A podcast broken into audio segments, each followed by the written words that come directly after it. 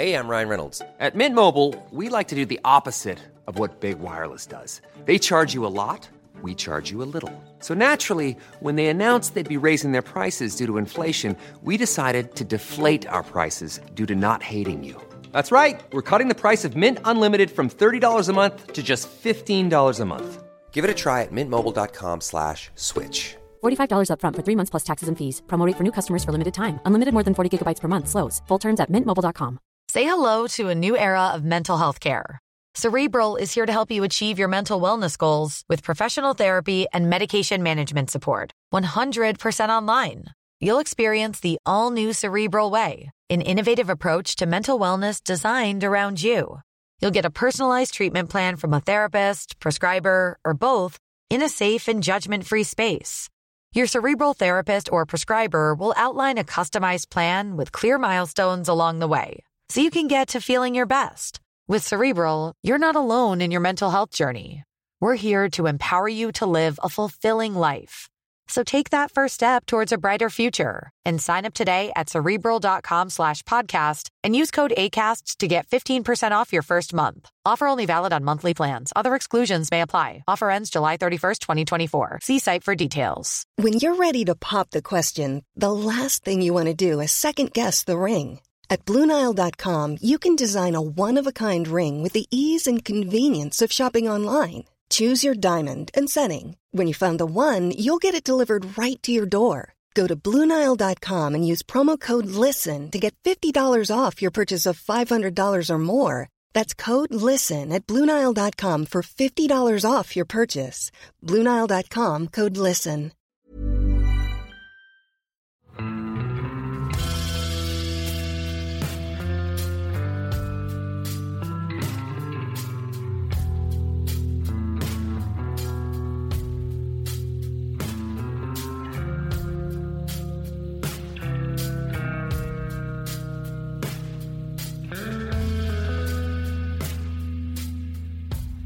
Og hjertelig velkommen til podkasten Uteliv.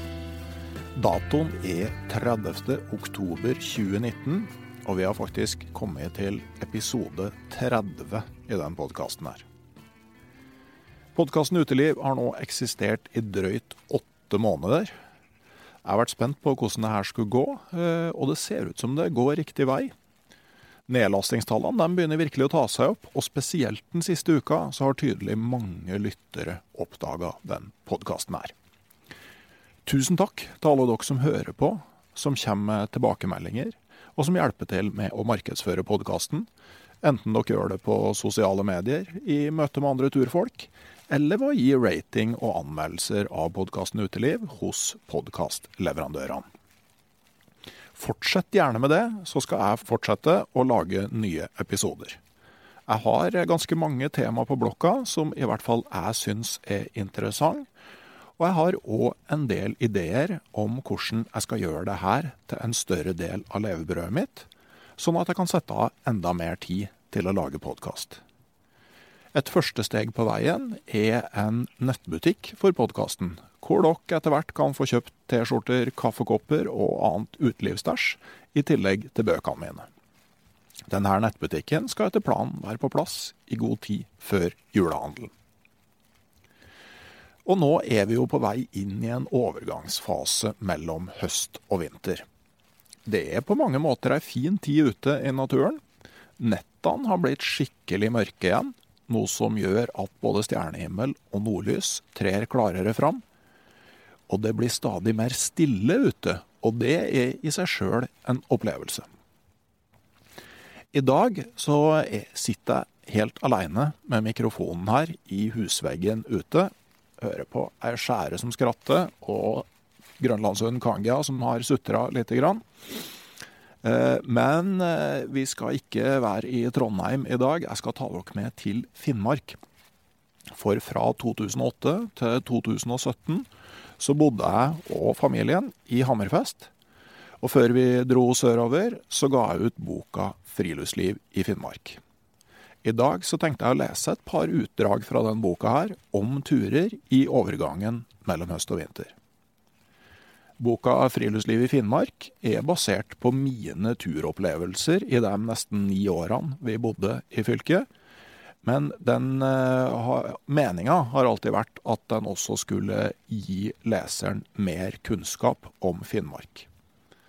Jeg har prøvd å formidle både fakta om natur, eh, om folk og ikke minst om historien til Finnmark fylke.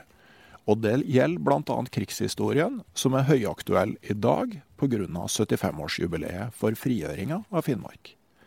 I tillegg så gir boka praktisk informasjon for den som kan tenke seg å sjøl oppleve et tureventyr i Finnmark. Først så skal vi til en liten passasje på høsttur i Øvre Anárjohka nasjonalpark med en av mine aller beste turkompiser, Ole Petter Ekvik fra Tromsø. Det sitter en død mann og lener seg mot en stein på den andre siden av elva. Ole Petter sitter ved bålet og ser over Anarioka, mens høstkvelden blir stadig mørkere. Hvorfor må han sitte akkurat der? Jeg syns ikke det er noe trivelig, fortsetter han. Jeg prøver å argumentere med at det er en stein han ser på, men siden Elvedalen er djup og elva er ganske stri, så har jeg ingen mulighet til å gå over og sjekke. Dermed kan Ole Petter stå på sitt, noe som sjølsagt var planen helt fra starten.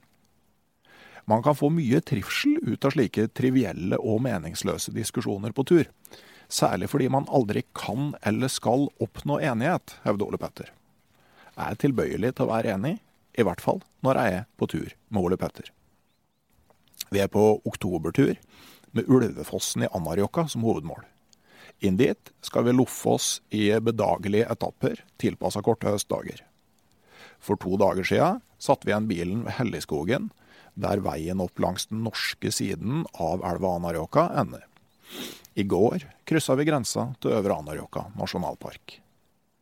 Dette er den korteste veien inn i parken, som ble oppretta i 1975 for å bevare et stykke av Finnmarksvidda med et representativt utvalg av de naturtyper som forekommer der, så som furuskog, bjørkeskog og vidde med kratt, myr, vann, elver og låge fjell.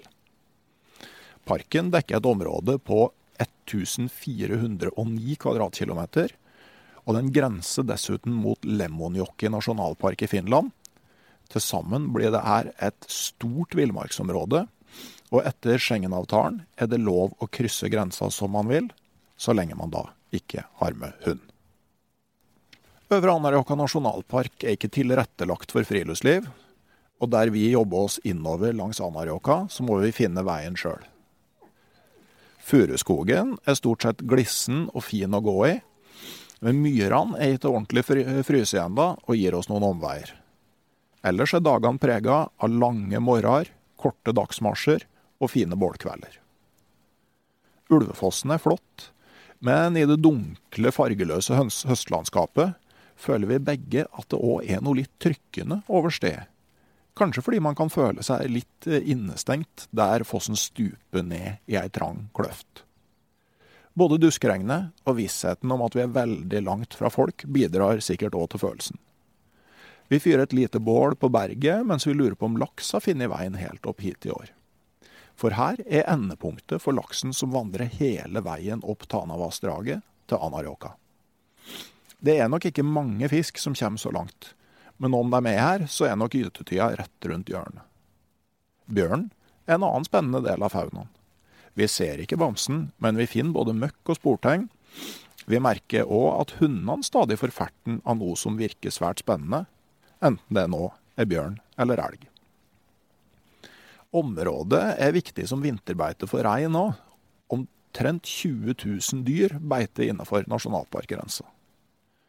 På slutten av andre verdenskrig kunne faktisk det meste av reinen ha gått tapt, da de eh, tyske styrkene trakk seg tilbake gjennom Finnmark på senhøsten 1944 hadde de stort behov for proviant, og reinsflokkene på vidda var sjølsagt interessante. Innbyggerne i Kautokeino skulle evakueres til Helligskogen i Nord-Troms, og okkupasjonsmakta ønska at reinen skulle bli med som vandrende matlager. Dette ville sjølsagt vært katastrofalt for dem som levde av reindrift, men å flytte reinsflokker over vidda var heldigvis ikke noe man lærte på rekruttskolen hos Wehrmacht. Derfor var tyskerne avhengig av lokal hjelp, og det gikk ikke helt som de hadde tenkt. Fra norsk side så lot man forhandlingene trekke ut i langdrag. Det var ikke så vanskelig, siden all kommunikasjon måtte oversettes fra samisk til norsk og videre til tysk, før svaret gikk motsatt vei tilbake. Eh, samisk språk ble hyppig brukt under forhandlingene for å samordne taktikk, uten at tyskerne forsto noe som helst av hva som skjedde. Og underveis ble tyskerne lurt til å gi fra seg flere billass med proviant til bruk under reinflyttinga. Og okkupasjonsmakta fant det logisk at reinsflokkene måtte spres utover et større område for å beite seg fram til Helligskogen.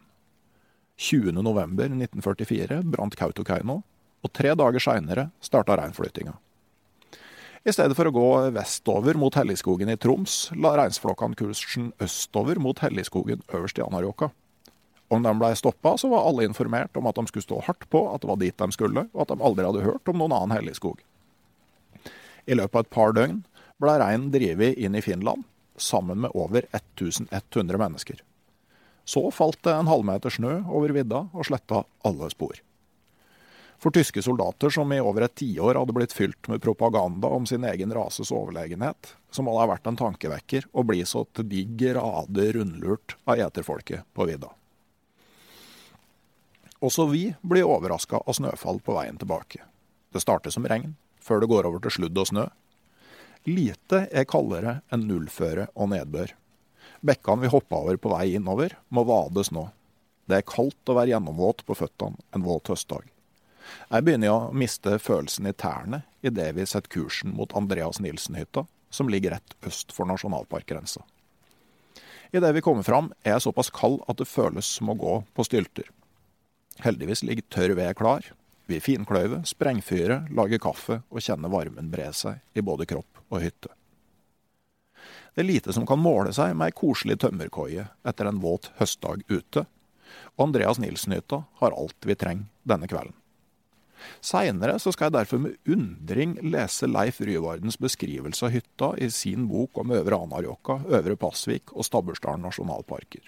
Han kaller den riktignok Anton Nilsen-hytta, men ut fra beskrivelsen av beliggenheten, så må det være Andreas han mener.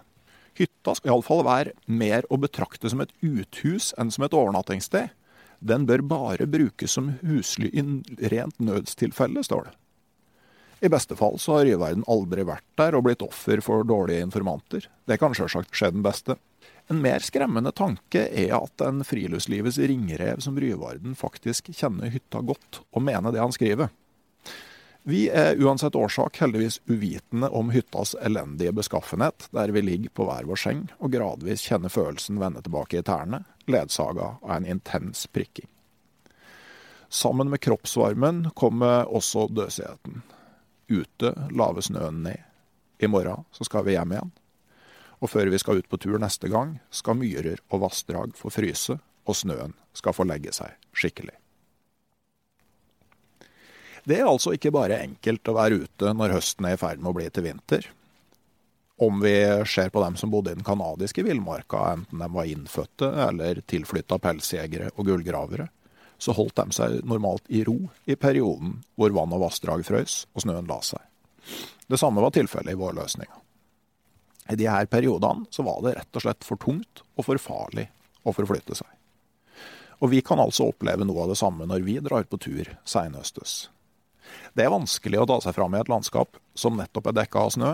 Det er tungt å gå, samtidig som man lett tråkker gjennom den løse snøen som ikke har satt seg. Og da kan man fort skade seg om det er kratt eller steinurer som ligger skjult under. Om vi drar til fjells, så er det lite å forankre teltet i når bakken er frossen, men snøen enda ikke gir ordentlig hold for teltplugger. Vann og vassdrag er en annen hindring. På min første tur etter at vi flytta til Finnmark, hadde jeg tenkt meg innover Stabbursdalen i starten av november. Det ble ikke noe suksess. For etter bare et par 300 meter kom jeg til ei halvveis frysig elv som det var umulig å krysse uten å bli våt på knærne. Eller til knærne. Sommerstid er det ingen hindring, men akkurat da fant jeg ut at det greieste var å dra et annet sted. Seinhøstturen er det derfor greiest å legge til et sted hvor du kjenner ruta og vet at du ikke må krysse store bekker eller elver. Myrene kan òg være lumske i perioden før tæren setter seg skikkelig. Plutselig står man med vann til langt oppover leggen. I tillegg så kan seinhøsten gi oss noen av de mest utfordrende værforholdene, med temperatur rundt null og en kombinasjon av vind og nedbør, som Ole Petter og jeg altså ble utsatt for. Det gjør det ikke bare kaldt og ubehagelig å gå, det gjør faktisk òg at vi fortere blir slitne. Når kroppen blir nedkjørt, så setter den i gang prosesser for å opprettholde kroppstemperaturen når energien fra bevegelsen ikke lenger er tilstrekkelig. Det betyr ikke nødvendigvis at vi begynner å skjelve, men de her prosessene medfører en kraftig økning i energiforbruk og belastning på kroppen. Og det kan bli ganske farlig. Allerede i 1966 ble det publisert en vitenskapelig oppsummering av 23 ulykker hvor britiske klatrere og fotturister hadde fryst i hjel etter å ha opplevd kombinasjon av temperatur rundt null med vind og regn. Forskerne observerte at ofrene gikk gjennom den samme rekka med symptomer. Begynte med vanskeligheter å, med å holde tempoet, så fulgte snubling, svakhet, gjentatte fall, kollaps, sløvhet og bevisstløshet, før døden inntraff. Og det her kunne gå ganske fort, og folk kunne kollapse og omkomme på turer de ellers med letthet ville gjennomført. Det fenomenet her har blitt studert vitenskapelig under kontrollerte forhold flere ganger. I 1946 så eh, blei det ved universitetet i Rochester gjennomført en serie forsøk hvor nakne personer sykla på ergometersykkel under ulike værforhold. Og jeg tenker da i parentes bemerka at det må ha vakt en viss oppmerksomhet dersom forsøkene ble utført på universitetsområdet. Forsøkspersonene sykla med konstant effekt, som de i normalt vær kunne opprettholde i tre-fire timer, men forskerne observerte at utmattelse inntraff allerede etter 1,5 til 2 timer, når forsøket ble utført ved 2-4 eh, varmegrader og vind. De påviste også at kroppens samlede energiomsetning var 30% høyere enn ved mer komfortable temperaturer. Seinere har flere lignende forsøk bekrefta disse resultatene. Det mest relevante forsøket ble utført ved University of Victoria i Canada i 1996. 18 forsøkspersoner gikk i konstant hastighet langs en kunstig tursti i fem varmegrader, mens de etter hvert ble utsatt for kunstig regn og vind. De hadde på seg bomullsklær og ei lett jakke i windbreakerstoff, og de gikk først i én time i oppholdsvær og stille, og deretter fire timer i regn og vind, mens hudtemperatur, rektaltemperatur og oksygenopptak ble målt. Det var kun fem av de 18 som klarte å gjennomføre hele forsøket, Elleve valgte sjøl å gi seg pga. kraftig ubehag, mens to ble stoppa fordi rektaltemperaturen sank under 35 grader, som altså er ganske kraftig hypotermi. Ni personer gjennomgikk et forsøk med tilsvarende lengde, men uten regn og vind, og her fullførte alle. Etter den første timen i vindstille oppholdsvær så var rektaltemperaturen hos alle stiget til ca. 38 grader, for de fem som fullførte forsøket i regn, sank rektaltemperaturen jevnt fra litt etter at det kunstige regnet ble skrudd på, og til forsøket var avslutta. Da var den i gjennomsnitt nådd 36,5 grad. Samtidig så falt hudtemperaturen fra 31 til ca. 24 grader, noe som ble beskrevet som svært ubehagelig. Uten regn så holdt både rektal og hudtemperatur seg nærmest konstant.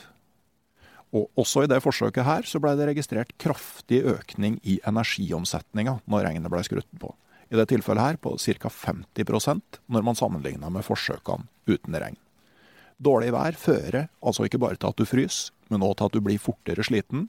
Og som nevnt kan du faktisk kollapse og omkomme på en tur du med letthet ville gjennomført i godvær. Vi registrerer så klart at den bruker ganske uegna klær her, så man vil klare seg mye bedre med ordentlig undertøy og en god skallbekledning. Men det er verdt å tenke på at den kombinasjonen av nedbør og nullføre er svært, svært skummel. Og En annen alvorlig effekt av regn og kulde er at kontrollen over hender og fingre kan svikte. For uh, i de forsøka her så blei det i tillegg til måling av kroppstemperatur og uh, oksygenopptak Eh, gjennomført målinger av grepsstyrke og en motorisk test hvor de skulle flytte flere muttere fra en skrue til en annen. Kontrollgruppa, som gjennomførte hele forsøket uten regn, hadde kun små endringer i de her målingene, men de som gikk i regn, opplevde derimot at uh, tida det tok for å flytte mutterne, mer enn fordobla seg, mens grepsstyrken nesten blei halvert. De her endringene fulgte endringer i hudtemperatur, ikke kjernetemperatur. Så du kan også få redusert evnen til å bruke hendene lenge før du opplever en reell indre nedkjøling. Og spesielt om du er aleine, så kan det her bli skummelt, ettersom det blir vanskelig å betjene utstyr, sette opp leir og generelt ta vare på seg sjøl.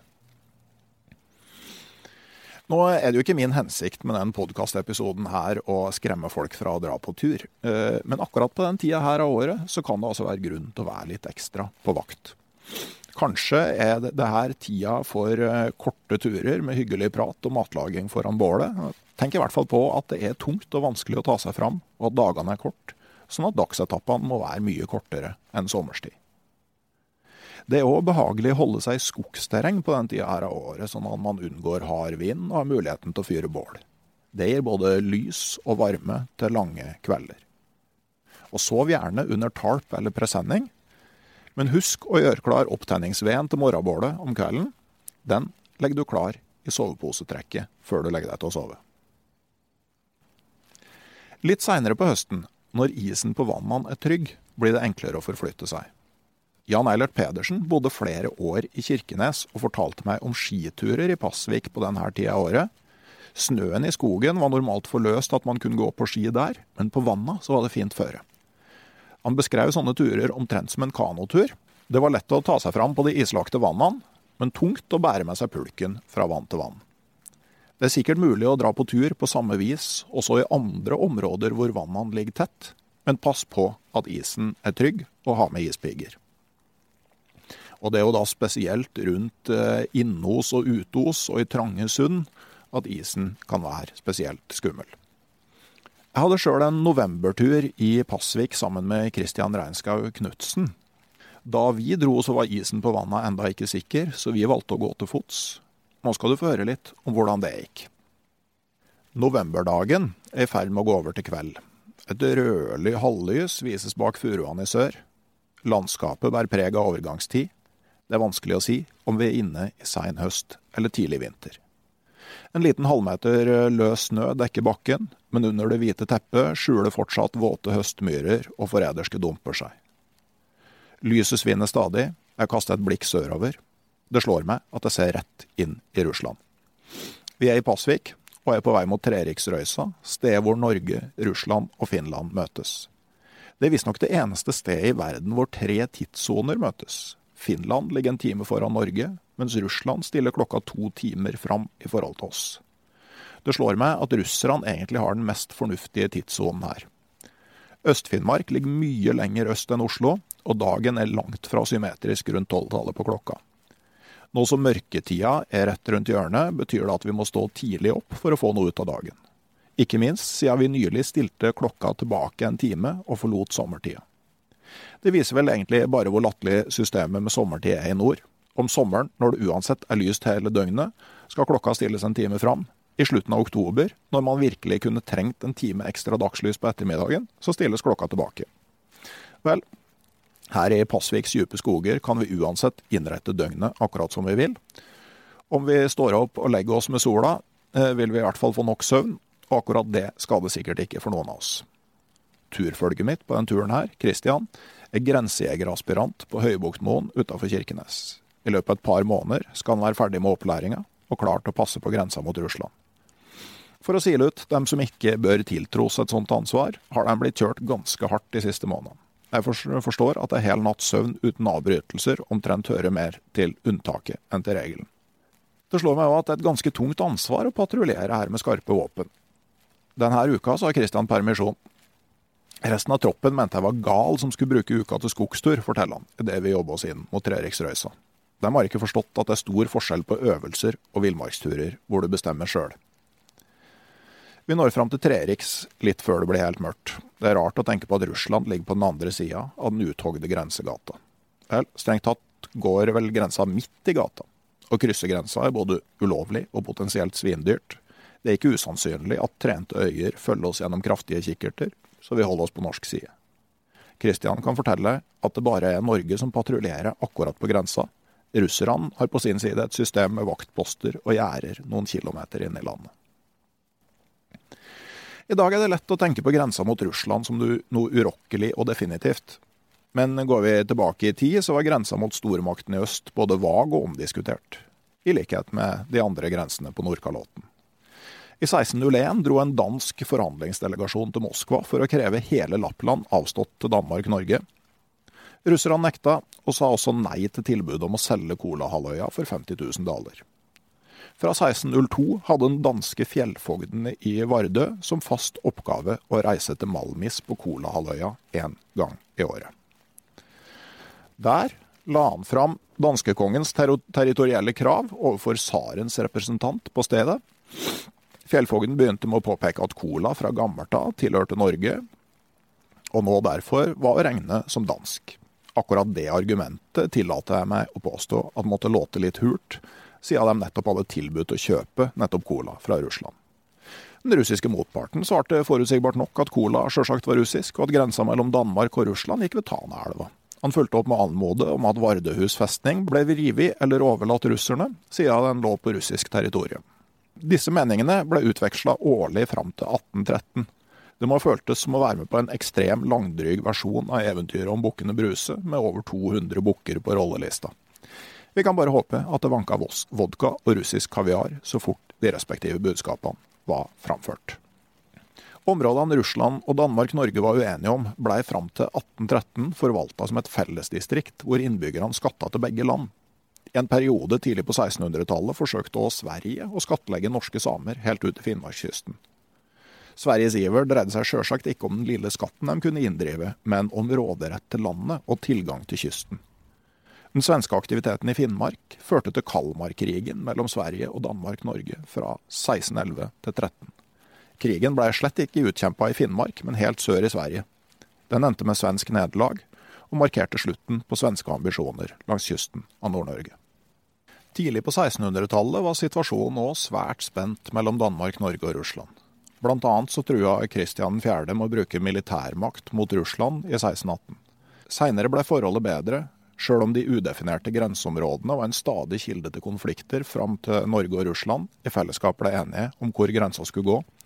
Det skjedde i 1826. Grensa ligger fortsatt på samme sted når vi nærmere 200 år seinere er på vei innover i skogen på jakt etter en leirplass. Vi finner etter hvert en stor stein. Her trenger vi bare et lite bål for å få god refleksjonsvarme i ryggen. Snart putrer det i kjeler og freser i steikepanner. Så ruller vi ut soveposene og entrer drømmeland. Etter det obligatoriske morgenbålet er det tid for å fortsette. Vi skal bare loffe passelig langt til vi finner et sted for lunsjen, og så tasse videre til det som måtte bli kveldens leirplass. Pasvik er som skapt for sånne turer.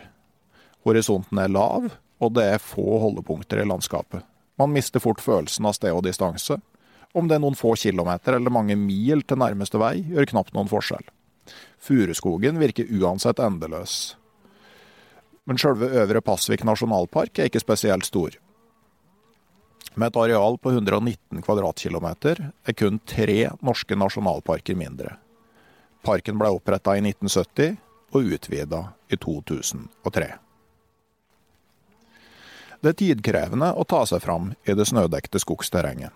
Etter hvert skotter vi stadig oftere ut på snødekte tjern og vann. Er det sikkert å ta seg fram der, tror du? Etter å ha hogd noen prøvende høl med øksa, ser det helt klart ut som isen skal holde et par villmarkinger med ryggsekk. For sikkerhets skyld hekter vi på oss ispigger og holder en viss avstand. Begge bør ikke gå gjennom samtidig. Dermed øker farten kraftig, og etter hvert blir Ellenkoia ved Ellenvann et naturlig mål. Det frister med lune tømmervegger etter et par netter under åpen himmel. I kveldinga er vi framme ved den koselige bua. Det er nesten kaldere inne enn ute, men snart knitrer det livlig i ovnen, og varmen sprer seg i både kropp og vegger. Noen timer seinere syns jeg at jeg hører stemmer, og like etterpå tar noen tydelig tak i døra fra utsida. Fire karer fra Sør-Vestlandet har òg funnet ut at Pasvik i november er det som gjelder. Med 14 dager til rådighet er de virkelig på langtur. De har kommet over isen fra Treriksrøysa i dag, den samme distansen som vi har brukt to dager på gjennom terrenget. Heldigvis er det god plass i koia, og folk som loffer rundt i skogen på denne tida av året, er naturligvis hyggelig. Det var vi aldri i tvil om. Vi blir to hele dager på Ellenkoia, alle seks.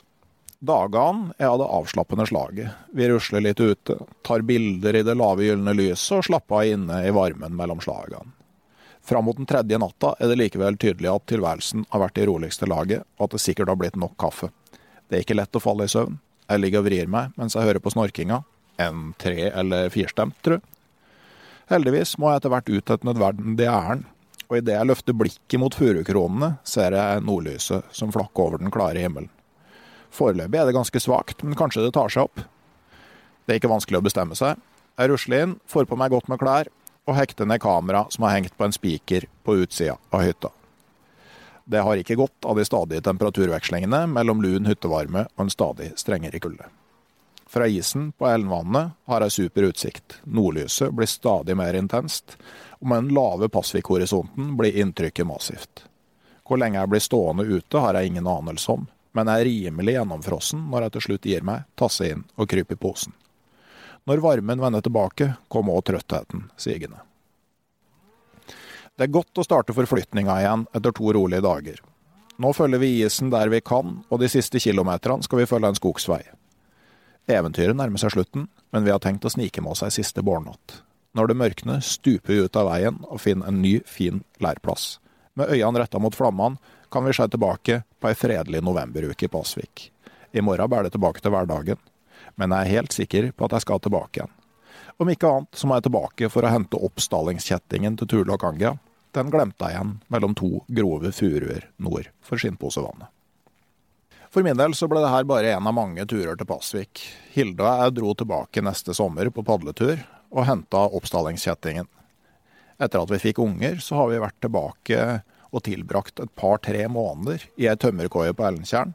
Her har vi spesielt vært i mørketida, og det gjør virkelig godt for kroppen med et par uker hvor dagen består av å stå opp, drikke kaffe, spise frokost, ta en tur på ski, spise middag, ta badstue og slappe av litt før det er leggetid. Vi tok òg Sissel med på telt- og padletur til den ganske avsidesliggende Vestkoia da hun var fem måneder gammel. Mer om det og mye annet kan du lese i boka 'Friluftsliv i Finnmark'. Hører du på denne episoden her rett etter at den er lagt ut, så kan du søke opp Randulf Valle Naturformidling på VIPS og bestille der. Husk adresse. Er episoden allerede gammel når du hører den, så kan du nok bestille boka fra nettbutikken til podkasten Uteliv. Vil du i stedet lese mer nerderier om kulde, fuktighet og kroppsrespons, så kan du sjekke ut boka mi 'Hvorfor er det så kaldt å være våt?', som du får kjøpt på samme måte. En annen måte å takle seinhøsten på, er forresten å dra til kysten i stedet for på skog- eller fjelltur. Der slipper du i hvert fall ofte snøen. Sjøl skal jeg tilbringe akkurat denne helga på Friluftsbokfestivalen, som foregår på Lynghørporten hotell på det blide Sørland. Der står bl.a. et par podkastopptak på planen, og resultatet av dem kan det hende du får høre om ei uke, når podkasten Uteliv er tilbake med en ny episode. Inntil da så er det bare å si ha det bra, god høst og god tur.